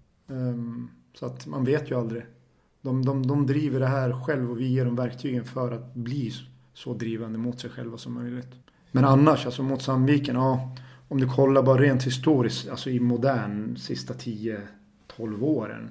Eh, så är ju Gävle IF överlägsna när det kommer till att, alltså Oftast har ju Sandvikens halva A-lagstrupper har ju varit gamla GIF juniorer. Alltså bara i år så har du ju haft jättemånga. Så att på så sätt, bortsett från resultat i matcher och så. För det kan ju vara att Sandviken kanske vinner någon final mer än Gävle eller så. så. Det är egentligen ganska ointressant. Ja, vi vann eh, DN-finalerna nu med i P19 och i P17. Spelmässigt rätt överlägset men jag tror matcherna blev 2-1 och 1-0 eller 2-0 och 1-0. De vann i P16. Kul att vinna. Alltid prestige mellan Gävle och Sandviken men eh, vad spelar den eh, matchen för roll i min mittfältares långsiktiga karriär egentligen? Förutom att för mig personligen och för de spelarna så är det skönt att vinna mot Sandviken. Och det är lite prestige så men jag förlorar gärna med 100-0 mot Sandviken om det innebär att vi får fram tre elitspelare. Så att det, mm, resultaten så är ointressanta. Har du någon speciell husgud som tränare som du ser upp till? Och som du försöker följa? Sådär? Ah, svår fråga alltså. Husgud. Eh, Vem har du? Är min motfråga. Oj! Eh, Du ser, det är lätt att ja. fråga men det är svårt att svara. Ja, precis. Eller vem har ni kanske jag skulle säga. Ja. Det blir ju så Jörgen Klopp-liknande svar liksom. Det ju- Han är ju väldigt fascinerande på många sätt liksom. Tycker jag. Ja, det är alltså, jag har ju flera tränare som jag har följt en längre tid men ju mer mainstream de blir desto mer avsmak får man okej, ju. ja. Har du någon som, man, som våra lyssnare inte känner till? Som man kan kolla upp? Ja, så jag har en gubbe som heter Giro, fransman. Ehm, han var tränare i Auxerre på 90-talet och 2000-talet och 80-talet och 70-talet. Tog över dem när han var 23 bast. Auxerre, fransk klubb. De har ju trillat ner lite nu. Gilbert Cissé Ja, för- precis. Philippe Mexès. De är helt borta nu från radarn. Ja, men han tog ju dem i division 5 då, i franska ligan. Och eh, i början så betalade han ju spelarnas löner genom att få eh, lokala bönder att eh, sälja gödsel åt föreningens räkning. Och sen slutade det med att de var med i Champions League 96 tror jag och spelade i en grupp med mm, tror det var Juventus, Rangers, Ajax. Det var liksom så här toppen. Att ta sig från division 5 till att ha hemmamatcher mot Juventus, Ajax och Glasgow Rangers. Det är rätt mäktigt. Sen fortsatte han och så lämnade han ett år och då åkte de ner i Ligdö. Och sen gjorde han comeback och så gick de upp igen. Och sen så lämnade han och gick de ner igen. Häftigt. Eh, Så att eh, bortsett från hans så här, eh, ja, vad ska jag säga, arbetssätt i fotboll så, så är det bara fascinerande att som ledare kunna ta ett gäng på, på lägre nivå och kunna få dem att konkurrera med det bästa i kontinenten. Det är ju fascinerande. Så att som ledare, han alltså fotbollsmässigt så är jag väl mer lagd åt så här, eh, jag älskar ju Arsene Wenger. Även om alla var Wenger out så älskade jag hans eh, motståndskraft till att förändra sig. Ja. Och det är liksom, nej, det var eh, fascinerande att se Wenger jobba med Arsenal. De skrattade åt hans, eh, de retade dem för att de slutade topp fyra, topp tre. Och nu skulle de ju offra ena armen för att sluta Ja. topp fyra. ja, visst är det så. Ja, När han sa att att komma, att komma topp fyra är en titel för Arsenal. Folk vet ju inte. Om, om Wenger inte hade varit där så hade ju Arsenal lika gärna kunnat varit ett Leeds nere i League One och Championship och grejer. Så att det är stor respekt för Arsene Wenger. Både spel och ledarskapsmässigt verkar en... Har aldrig träffat honom men skulle jag få träffa en fotbollstränare i världen och sätta mig och liksom så här softa med en dag så är det Arsene Wenger. Ja, gud vad spännande. Vi ser om han har på något nytt uppdrag. Det har ryktat lite om att han skulle ta över någon ny klubb, men han har väl ingen klubb. Nej, han har ju blivit någon form av sån här, eh, vad ska vi säga, en, en guru i bakgrunden som dyker upp i lite, lite olika tv-sändningar och förklarar. Börjar bli lite till åren också va? Ja, Antar jag. Han måste väl vara en bit över 60 nu. Ja, för, för en tränare är det väl ingen ålder alls, tänker jag säga. Nej, förvisso inte, men ja nej, jag skulle vilja se honom eh, ett tag till. Mm. Det hade varit sjukt kul. Jag tänker att vi ska börja avrunda lite, men hur ser framtiden ut kommande säsong för U19-laget? Är det Eh, några speciella planer ni kan... Nej, alltså först så... jag- borde egentligen inte säga för mycket för jag är inte ens klar för en fortsättning. Men om vi utgår från att jag är kvar. För det kan ju lika gärna vara när det här går ut i eten så är de klara med någon annan. Det vet ju inte jag. Men om jag är kvar. Så är vi någonstans runt eh, tre målvakter och 20 spelare. någonst- Någonstans där i U19-gruppen. Eh, vi åkte ju ner i den här eh, P19 Superettan eller vad man ska kalla den. Men som sagt vi har en bra matchmiljö där. Eh, jag tror att vi kommer ha ett ehm, P19 eh, lag 2 i division 4. Så att de som sitter på bänken och så liksom ska ändå få en matchmiljö. Det är inte riktigt klart än men jag tror det blir så. Mm. Rent spelarutbildningsmässigt så har vi väl en, en ehm, någonstans runt 7-8 spelare som är ganska nära varandra i kvalitet. Som var och en av dem skulle kunna gå upp och träna med vårt division 1-lag. Att, eh, det jag tror är väl att de en, två, kanske tre bästa, eller som ligger längst fram, kommer väl troligtvis att träna kontinuerligt med A-laget, om inte hela tiden. Och att de, de fyra, fem gubbar som ligger tätt inpå på något sätt så här roterar upp i A-lagsträning. Så att de kanske kör eh, tre träningar med A-laget, sex med U19, sen kanske tvärtom och så vidare och så vidare. Jag vet ju inte än i och med det är inte klart om jag är kvar. Jag vet inte vem som blir A-lagstränare. Men det finns i alla fall det finns eh, talangfulla spelare i nuvarande U19-grupp. Sen är det upp till dem vad de gör med sina spelarkarriärer. Hur seriösa de är. Vad de är beredda att offra. Eh, vad de är beredda att uthärda för motgångar. För det är någonstans där det landar i. Hur mycket motgångar är du beredd att ta. Ehm, så att eh, så ser det ut. Vi börjar träna 6, 6 januari. Och sen så har vi första matchen borta mot BP, träningsmatch 25 januari. Och sen så är vi igång med spel varje helg. Vi har ju den här ligacupen som är eh, svenska kuppen för U19 och U17-lag hela våren. Ehm, där vi har första matchen hemma mot Brage 2 februari. Och sen så tickar det på liksom med seriespel och allting. Så har det gått ett år. Så att de har, ju, de har ju ledigt i december från lagträningarna. Och sen så har de ledigt två och en halv vecka på sommaren. Annars så kör ju de här killarna ehm, ja, måndag, tisdag två pass, onsdag två pass, hellediga torsdag, oftast fredag, lördag, söndag. Så att de är ju de är vana att, att satsa på sin idrott. Och går ju i fotbollsklassen på skolan. Där jag har ju dem också på morgnarna. mm. Så att de, de tränar ju väldigt, väldigt eh, ofta. Ambitionen är inte att de ska träna ofta. Ambitionen är att de ska träna bra. Vare sig det är tre gånger i veckan eller 33 gånger i veckan. Så ska det ge någonting. Och det, det är det som är utmaningen för mig. Att se till att varje dag blir givande. Hur många U19-spelare i dagens trupp tycker du är redo att få ett A-lagskontrakt? Mm. Det beror helt och hållet på den A-lagstränaren. Mm. Vem det nu blir. Ehm, vad föreningen har för ambition. Är de beredda att ge en mittback eh, två år speltid trots att det kan gå upp och ner? Mm. Är supportrarna beredd att bita i det sura äpplet som kan innebära två baklängesmål för att den här killen gör något misstag. Men kanske långsiktigt få en back som är riktigt, riktigt jävla bra. Till exempel. Så det beror på föreningen behöver ta ett beslut i det. Hade jag hade jag varit A-lagstränare i Gävle IF så är det ju självklart en, ett par, tre killar som jag hade eh, åtminstone haft som gubbe 16, 17, 18, 19 i A-lagstruppen. Så att eh, i den bästa av världar så skulle jag vilja se att den, den nya tränaren liksom bygg din trupp, två målvakter och 15 utespelare. Och så låter du mig smälla in gubbe 16, 17, 18, 19, 20 i den truppen. Så kanske det inte ens kanske blir fyra A-lagsmatcher och fyra inhopp. Kanske inte blir mer än så, men det är ändå så här helt okej som 17-18-åring. Finns det några namn som tycker, som du vill säga? Ja, alltså det finns ju flera namn. Det kanske inte är så rättvist mot killarna att välja ut någon så. Försök i alla fall. Eh, Men alltså det finns ju. Alltså jag kan ju bara visa så här hur mycket karaktär och eh, träningsvilja kan avgöra din utveckling snarare än hur bra du är när du är 15. Så har vi en spelare som heter Theodor Hansemon. Eh, som kom till Gävle IF förra säsongen, alltså 2018. Eh, var avbytare i P16.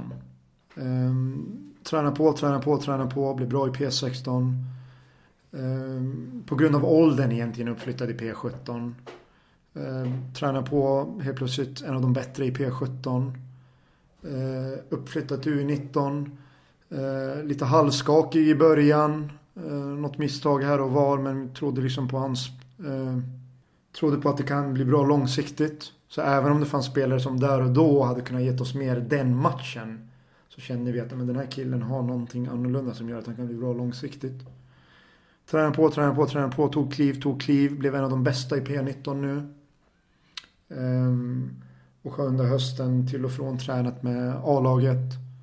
Så att uh, på bara ett år så har den spelaren gått från att vara avbytare i P16 till att kunna träna med A-laget och väl där tar för sig i A-laget. Inte bara är med och liksom så här lallar runt och är en grön väst. Utan så här, ja men mittback, du ska sköta uppspel i det där laget. Mm. Så att eh, jag skulle bara vilja ge han som exempel på vad som kan hända om du verkligen tar dig an det här på ett bra sätt och tränar och verkligen tar för dig. Eh, lyhörd mot tränare, lagkamrater. Eh, det, är, det här är en kille, om vi ligger under med 4-0 så glidtacklar ju han på mållinjen och Se till att det inte blir 5-0. Mm. Eh, det snarare än en tunnel på mitt plan, även om jag älskar en tunnel på mitt plan, är det som avgör om du kan nå långt i din karriär. Och nu använder jag Theodor som ett exempel för de andra spelarna mm. i hela akademin. Det kan lika gärna vara att det inte alls är Theodor den som... Det bestämmer han själv snarare än jag.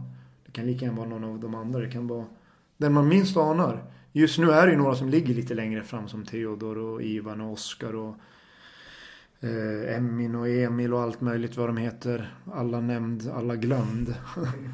eh, men det som är av de här killarna som ligger längst fram nu. Väldigt få av dem var ju bäst när de var 13-14 ens. Så att det är ingenting som säger att de här är bäst när de är 22. Det är det som är det komplexa. Vi har ju haft killar som var de som gjorde 6-7 mål per match för oss. När de var 15-16. De spelar liksom division 3 nu, eller division 4. Så. Alltså. så där och då om du jämförde den spelaren med så här, ja med Ivan. Då kanske den spelaren var mycket bättre än Ivan Engstedt. Men Ivan Engstedt ligger mycket längre fram nu. Så att, så att vi får se. Det finns några stycken men det är upp till dem. Och de behöver vara medvetna om att det är ett stort kliv. Att kunna vara bra på så här ja men superettanivå. Att till och med kunna vara en bra superettaspelare. Kräver oerhört mycket i dagens fotboll. För att det som för tio år sedan var en svensk superetta. Är idag en internationell superetta. Mm en klubb istället för att välja dig så kan du hämta en vänsterytter från Kamerun. Så att eh, från att ha konkurrerat med spelare från Sverige och, och med omnejd så konkurrerar du nu med hela världen. Så att frågan till våra akademispelare är Varför ska du? Vad gör du som ingen annan gör? Och det behöver de kunna svara på. Det räcker inte med men jag var grym mot AIK när jag var 16 år. Ja, det är ointressant. Vad gör du som ingen annan i världen gör för att just du ska kunna spela med Gävle IF i Superettan? För att det är dit vi vill förr eller senare. Så att eh, det är upp till dem. Det finns möjligheter. De är skickliga. Färdighetsmässigt ligger vissa längre fram. Eh, personlighetsmässigt ligger vissa längre fram än andra. Och någonstans i det så hoppas man att, eh, att vi vaskar tillräckligt bra för att få fram några guldkorn. Ja, ska vi runda av och tacka med mig? Ja, en avslutande fråga här. Ja, Ja, kör. Nej, det är ingen fråga. Vi kan prata flera timmar känns det. Det är otroligt intressant här. Men Gävle IFs herrar står A-laget står utan tränare. Ja. Spela in det här. Vad tror du är viktigt att söka efter för egenskaper? Vilken typ av tränare tycker man bör få in på den här posten? Sjukt svår fråga. Jag vet inte vad styrelsen söker ens. Alltså, och då är jag ändå gans, ganska nära den verksamheten. Men eh, det beror på vad de vill. Har de en långsiktig plan? Har de en kortsiktig plan? De pratar en del om den här treårsplanen. Att vara uppe i, i Superettan 2022. Okay. Den säsongen ska man vara uppe i Superettan. Ja. Eh, ja, då är det en ganska kortsiktig plan. Alltså, vad är det nu? 2020? Ja, om tre säsonger ska de vara uppe. Ja. Återigen, det, det är inte mina arbetsuppgifter och det, blir- det blir lite konstigt eh, för mig att kommentera på det. Men ja, vad han ska tänka på. Alltså ha ett bra ledarskap. Gävle är en, en, en klubb som bygger mycket på humana värden. Eh, så kom inte in och, och, och lalla runt och tro att det är en Stockholmsklubb. Utan vi har andra värden som du behöver ta hänsyn till som är baserat mycket på så här.